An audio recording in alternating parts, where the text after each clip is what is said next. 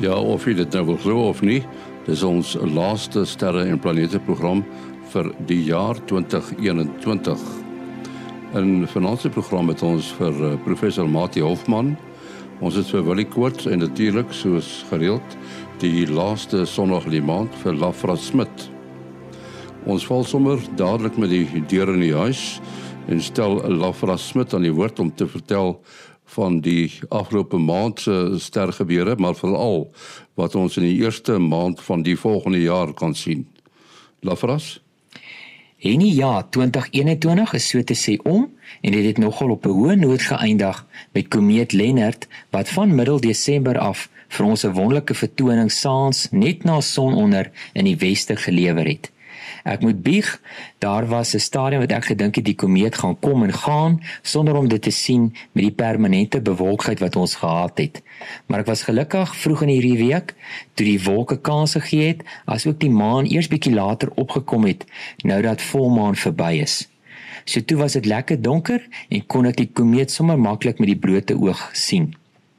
Die luisteraars kan nog probeer kyk tot en met die 4de Januarie wanneer die maan dan weer sy verskyning maak saans in die weste en dan is ek bevrees as dit neusie verby van dan af.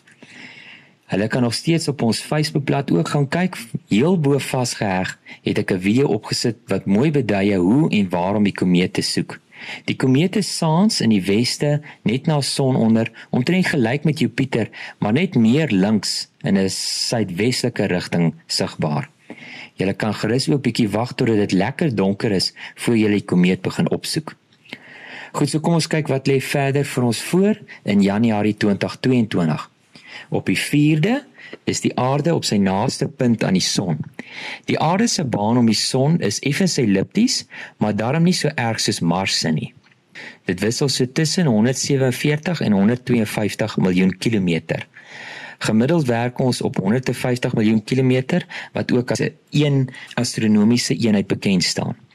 Sterrekundiges gebruik hierdie meetskaal meestal in ons sonnestelsel, maar as ons na ander sterre begin kyk, is ligjare 'n beter opsie om in te werk. Nog op die 4de Januarie kan jy net na sononder laag in die weste kyk waar 'n dun sekelmaan saam met Saturnus en Mercurius 'n mooi driehoek gaan vorm. Mercurius is vir die eerste week in die weste sigbaar en beweeg dan vinnig weer terug son toe. Dit kom eers in Februarie weer uit, die son se gloed uit en sal dan in die ooste vroeg in die oggend weer gesien kan word.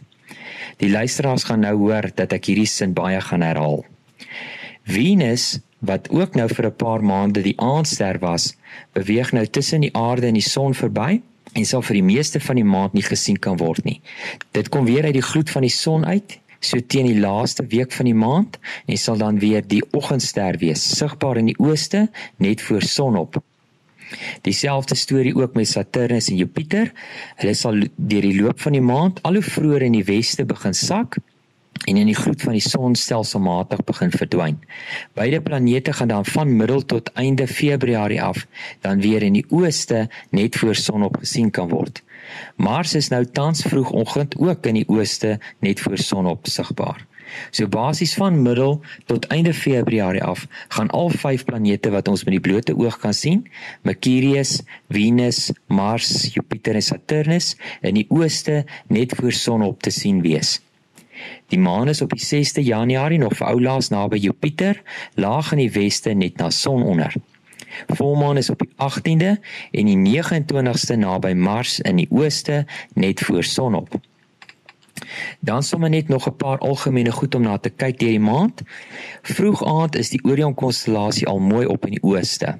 Meer regs sal jy dan onderskeidelik die twee helderste sterre in die nagruim sien, eers Sirius en dan Canopus meer suid.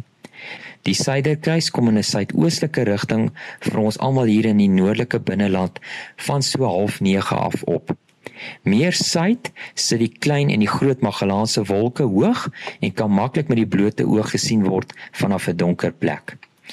Nou ja, dit is min of meer my storie vir die maand. Ek wil graag vir almal 'n voorspoedige nuwe jaar toewens en ek hoop ons gaan die nuwe jaar nog baie opwindende dinge saam in die naghemel sien. Vir almal wat nie nou al hierdie datums en inligting kon neerskryf nie, kan gerus ook op ons Facebookgroep gaan kyk waar ek elke maand die hoogtepunte opsit. Nou ja, lekker opkyk dan almal. Ja, dit is interessant uh, hoe opgewonde mense is oor hierdie komeet, uh, die Leonard wat in die westelike horison te sien is. Uh Mate het jy hom al gesien? Nee, ek het die inligting gevolg, maar hier by ons was dit nog bewolk en baie reënerig. Ek is nou veral opgewonde nadat ehm um, Tim Cooper op uh, Sterre en Planete se Facebook groep uh, die inligting gedeel het. Ek dink dit was uh, wel nou vroeg die uh, vroeg die vorige week, maandag uh, laasweek, uh, dat die komeet het 'n skielike toename in helderheid gehad, so daar's ekstra aktiwiteit, het waarskynlik meer materiaal vinnig vrygelaat wat dan meer eh, sonlig kan eh, kan weerkaats. Sy posisie bo Venus het nou groter geword sodat hy al hoër is. Ehm uh, ek weet Willie het al uh, het al die komete siene gekry, maar ek kon nog nie. Uh so uh, kom ons hoor wat sê Willie. Ek dink amper hy het homself sal afgeneem. Ja, korrek. Ehm um, um, in die die eerste twee aande wat dit soort van uit die gloed van die son ehm um, begin te verskyn het het ek op daai stadium was dit nog nie die sterkie net 'n baie baie dowwe dowwe eh, dit lyk net net of daar 'n sterkie wil wees. So ek het hom so die eerste twee aande uh, kon ek hom afneem. Ehm um, maar nou nog baie in die gloed van die son uh um uh, by gesteek en toe kom Tim se boodskap wat jy net van gepraat het en toe kom die wolke so so ver. En sit ek ook nou nog in afwagting om te kyk hoe lyk dit nou. Ja, kom kom ons kyk 'n bietjie na uh, interessante uh inligting wat ons gekry het. En die inligting wat ons nou oor gaan praat is is vir my baie teoreties en dit is 'n sogenaamde helixvormige motor wat teoreties 99% die spoed van lig kan bereik. Uh, Matie, is dit moontlik? Uh, nee, Ek weet nie of dit tegnologies moontlik gaan wees nie nie in ons lewe nie, maar uh, ons het nou al gesien die afgelope eeu dat die baie goeie wetenskap fiksie skrywers uh, het nogal 'n manier ge, uh, gehad dat wat hulle as fiksie in die toekoms beskryf het uh gedeeltelik waar geword het. So dit is goed dat daar futuristiese denker uh denkers is. En in hierdie geval praat ons nou van 'n konsep waarmee 'n NASA ingenieur David Burns mee vorendag gekom het. Nou ek weet nie of hy dit op sy uh in daai tyd wat hy daarvoor gebruik het deur NASA betaal uh, betaal is nie sal interessant wees as hulle ouens betaal uit waarskynlik baie tyd hier aan moet uh, uh moet spandeer. Nou is 'n sogenaamde helixvormige uh, engine. Nou natuurlik, uh, eerstens hoekom ons graag teen 'n breekdeel van die spoed van lig sal wil kan reis uh, met 'n groot genoeg ruimtetuig is omdat die ruimte so geweldig groot is. Uh so kom ons gestel nou ons wil nou regtig gesending met instrumente wat uh fotos kan neem en inligting terugstuur na die eksoplaneet wat by ons naaste ster Proxima Centauri ontdek is. Uh dan wil ons dit darm in 'n klompie jare kan regkry om daar uit te kom. En nou praat ons van 'n afstand van uh so uh, net oor die 4 ligjare uh en dan as die tuig nou daar uit aangekom het, dan hoef ons nadat hy daar aangekom het net oor die 4 jaar te wag om nou die inligting te kry wat hy terugstuur teen die spoed van uh, van lig. Maar die vraag is hoe lank gaan hy daar vat, vat om daar uit te kom? uh nou teen die spoed van die vinnigste ruimtetuie. Ons dink nou aan die Voyagers wat daar buite uh, die sonnestelsel al net net trek. As hulle op die regte koers was, op die regte baan, wat ons nou onthou alles beweeg in die ruimte, uh, die Alpha Centauri se stelsel waar Proxima Centauri is uh, beweeg ook uh, in saam met ander voorwerpe in die in die in die Melkweg. Teen daai tipe van snelhede wat al bereik is praat ons van der duisende jare. Ek meen verder die toekoms in as die eh, die beskawing wat ons nou ken van die van die eh, kom sê net maar die opgetekende beskawing en dit is nog glad nie vir ons goed genoeg om dit te kan doen nie. So dis nou maar net die agtergrond hoekom die mense vreeslik graag ons ten minste wil oortuig dit gaan eendag moontlik wees. Nou kom ons kyk kortliks na die konsep en dis nou nogal interessant. Ek moet nou regtig bely ek sou nou nie daaraan gedink het nie. Uh gestel jy het uh, uh dryf nou daar aan die ruimte waar daar nou geen uh naby gravitasie is nie so jy's nou in 'n vry uh jy float nou free soos hulle nou Engels sê jy jy sweef daar heeltemal vry en net hier buite jou is so 'n kubusvormige uh, tuigie of 'n uh, voorwerp en om een of ander rede uh wikkel hierdie boksie heen en weer. Ehm um, soos wat hy hier relatief saam met jou beweeg, maar hy gaan bietjie agtertoe, bietjie vorentoe. Dan weet jy onmiddellik dan moet iets binne in wees. Nou dis wat 'n mens sou kry as jy nou binne in so 'n boksie 'n voorwerpie het, 'n voorwerp met massa natuurlik wat met twee vere aan die teenoorgestaande vlakke van die boksie uh uh vasgemaak is en dan uh, aan die osilleer gesit word. As hy een kant toe be beweeg, dan moet die buitekant van die boksie na die ander kant toe beweeg. Uh en omgekeerd. So hy gaan die boksie heen en weer pluk, maar die massa middelpunt van hierdie boksie gaan presies saam met jou beweeg. Maar dit is nou 'n denkbeeldige punt wat jy nou nie sal uh sal kan sien nie. Uh maar in geval, dit gaan nie daardie daardie heen en weer pluk maak nie saak hoe vinnig en energiek jy doen nie. Dit gaan nie da maak dat daardie kubusvormige uh tuigie nou vinniger en vinniger gaan beweeg tot naby die spoed van lig nie. Maar as jy nou 'n beginisme binne in daardie boksie sou hê wat nou net mooi op die regte periode uh wanneer die boksie nou teruggepluk word in 'n teenoorgestelde rigting as waar die beweging is as massa wat binne in die in die in die boksie is vorentoe geskuif is dan gaan hy minder terugblik as wat die res vorentoe gepluk pluk word. So as jy nou net in die regte periode elke keer 'n klein bietjie massa meer kan hê in die voorste helfte van die van die boksie as in die agterste helfte, dan bietjie vir bietjie gaan hy vinniger en vinniger beweeg. Natuurlik gaan jy energie nodig hê om daai interne massa te ver uh, te verplaas. Nou David Burns het met die konsep nou gekom. Hy stel vir jou voor 'n helix uh wat nou die die uh, boksie nou uh, uh verplaas of vervang en dan het jy deeltjies wat jy versnel. Jy hulle gemiddelde spoed is uh, al 'n redelike deel van die persentasie van die spoed van van uh van lig. En nou uh beweeg is jou beweging kom sê loodreg op hierdie helix.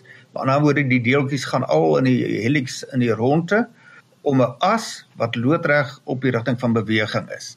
En nou deur daardie deeltjies se spoed aan die een kant van die helix, aan die kant waar waarheen die beweging is, die spoed te laat toeneem, maar laat jy hulle massa toeneem. Dit is nou 'n effek wat Albert Einstein uh voorspel het uit sy teorie dat hoe hoër die spoed van 'n voorwerp, hoe hoër word die massa. Dit is eers enigsins waarneembaar wanneer jy nou by 'n breekdeel van die spoed, 'n noemenswaardige breekdeel by die van die spoed van van lig kom.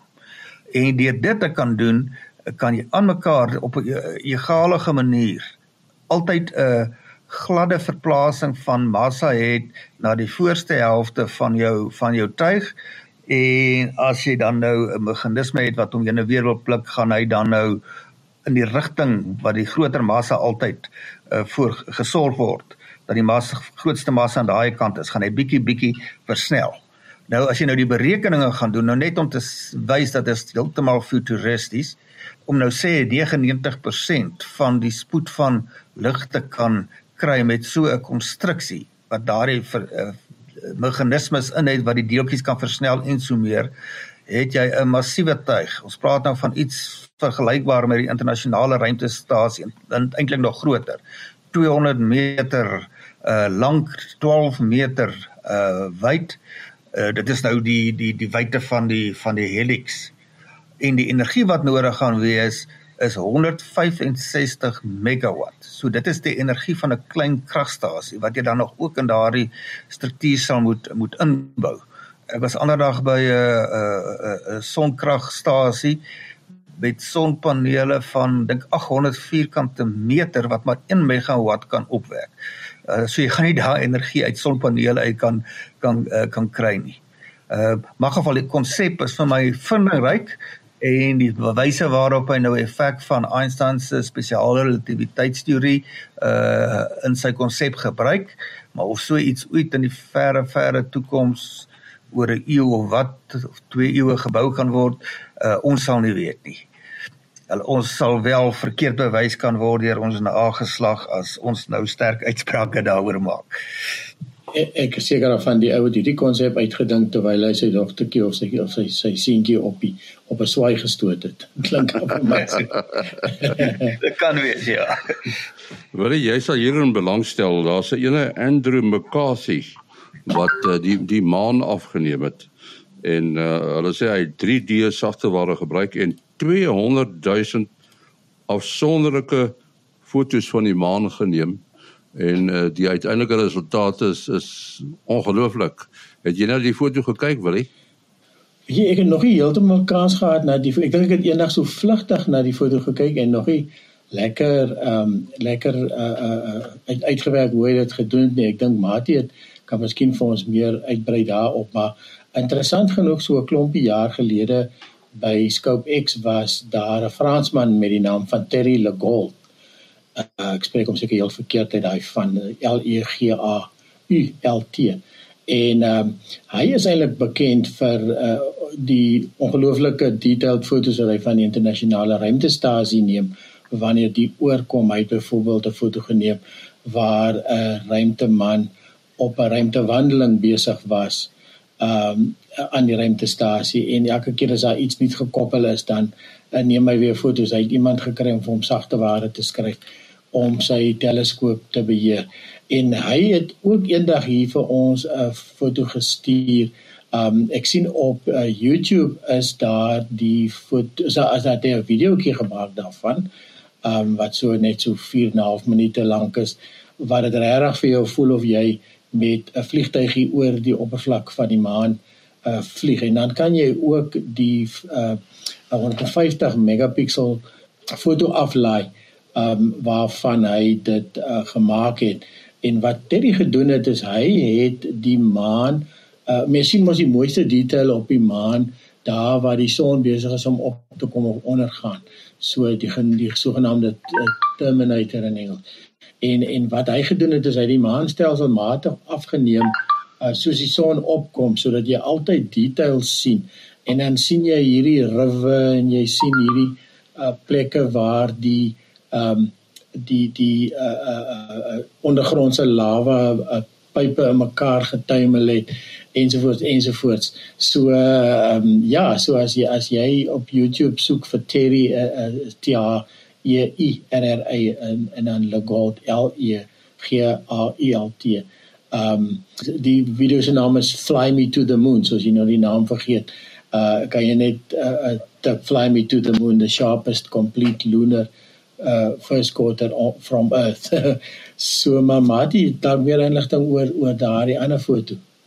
Ja, so daar's 'n ooreenstemming uh met wat jy nou genoem het van uh, na die maan kyk daar op die uh, op die rand waar die skade weer wel waar die skeiding tussen die lig en die in die uh, helder deel is omdat die grootste kontras daar is en die kraters die duidelikste is.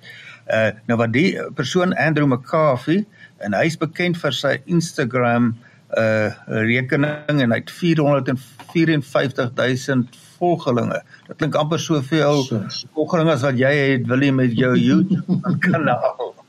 ja, dit is baie ons maak daar maar impak. Maar in geval hy het met geweldige toe, toewyding nou praat van 200 000 fotos. Ek is seker of hy almal geneem het nie. Dit klink nie vir my so nie, maar hy het 'n groot klomp geneem deur oor 'n tydperk van 2 weke. Vanuit hy nou die eerste klein sekelmaaientjie fotos kan neem daar op daai rand tussen die helder en uh uh donker deel, die Engelse term is die terminator. Uh en oor 'n 2 weke tydperk het hy so foto's geneem daar waar jy nou die meeste detail van die kraters te, uh, kan kry en die, wel nie net die kraters nie die berge al die uh fyn detail so met 'n uh, hoë resolusie as wat sy kamera toegelaat het. En toe hy dit nou gaan met 'n uh, drie sagte ware wat vir jou driedimensionele inligting kan kombineer. Het hy dit gekombineer met hoogte inligting oor die maan? Uh wat NASA nou deur die dekades natuurlik gekry het deur al hulle sendinge daar rondom die die maan. So jy het gebruik die visuele het hy nou gekoppel op hierdie hoster van hoogte inligting en die hoogte kan jy nou omdat jy dit nou 'n rekenaar doen kan jy nou bietjie oorbeklem toon sodat uh jy hierdie ongelooflike foto kry. So die mense kan nou maar uh gaan Google Andrew McCarthy. McCarthy natuurlik een woord.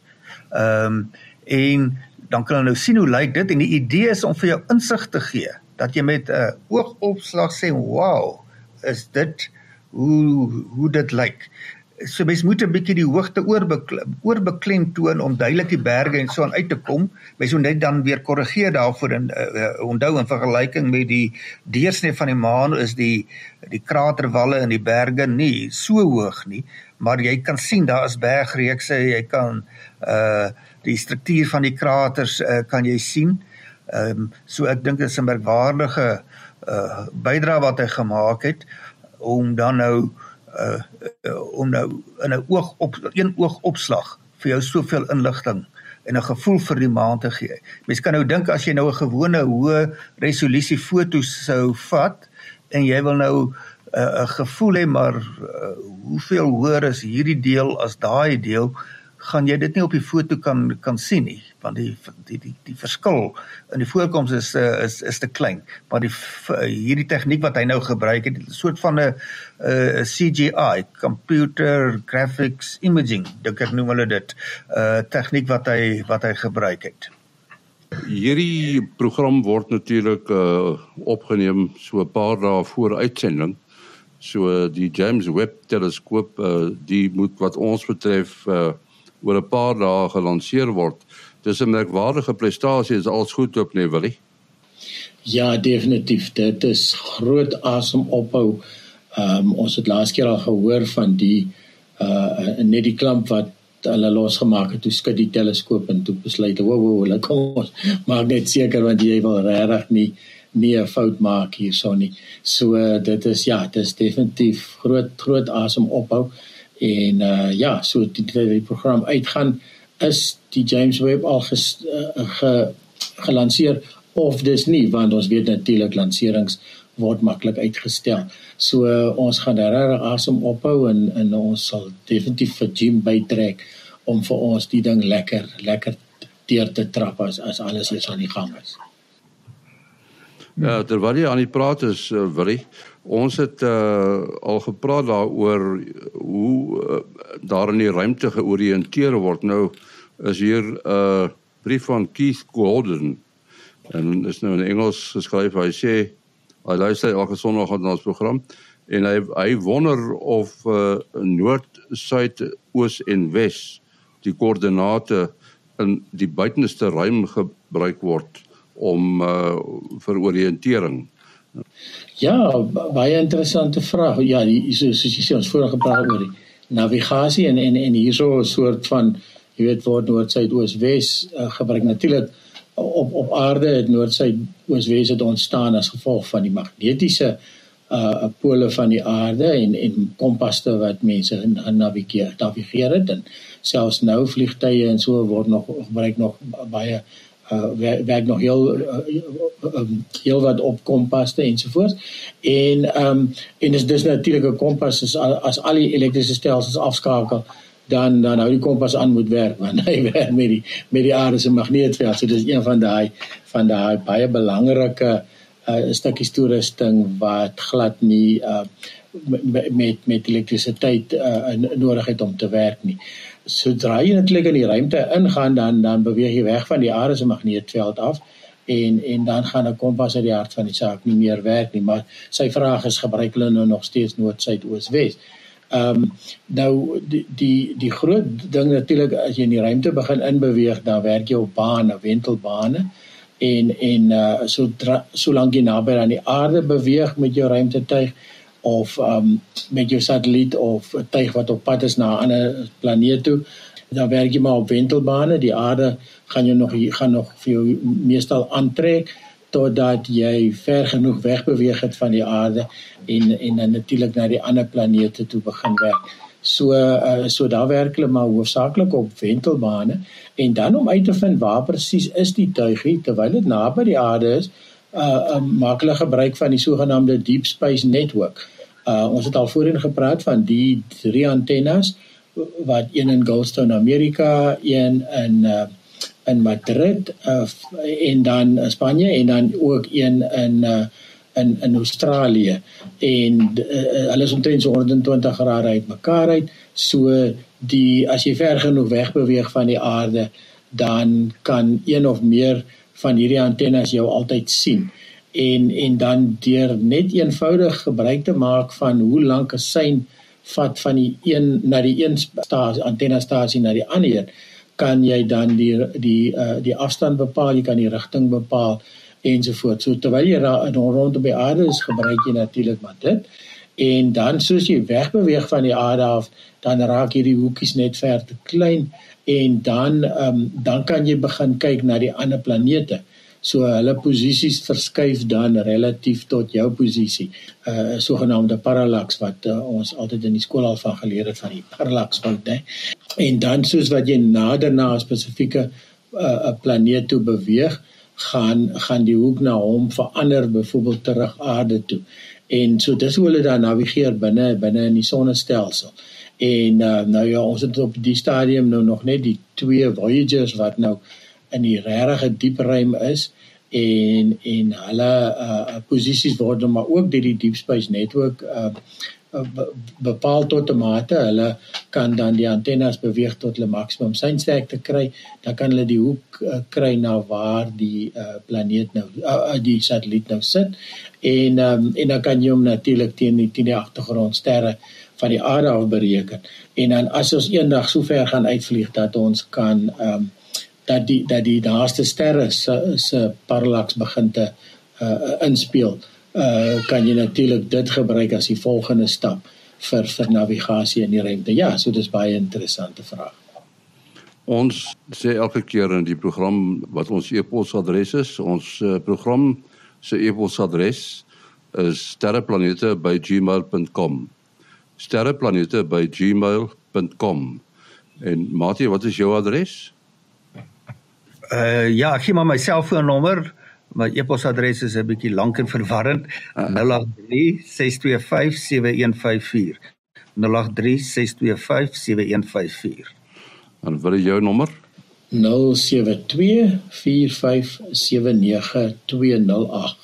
0724579208. Volgende week eh, praat ons weer, die keer saam met Jim Adams. Tot dan. Alles van die beste.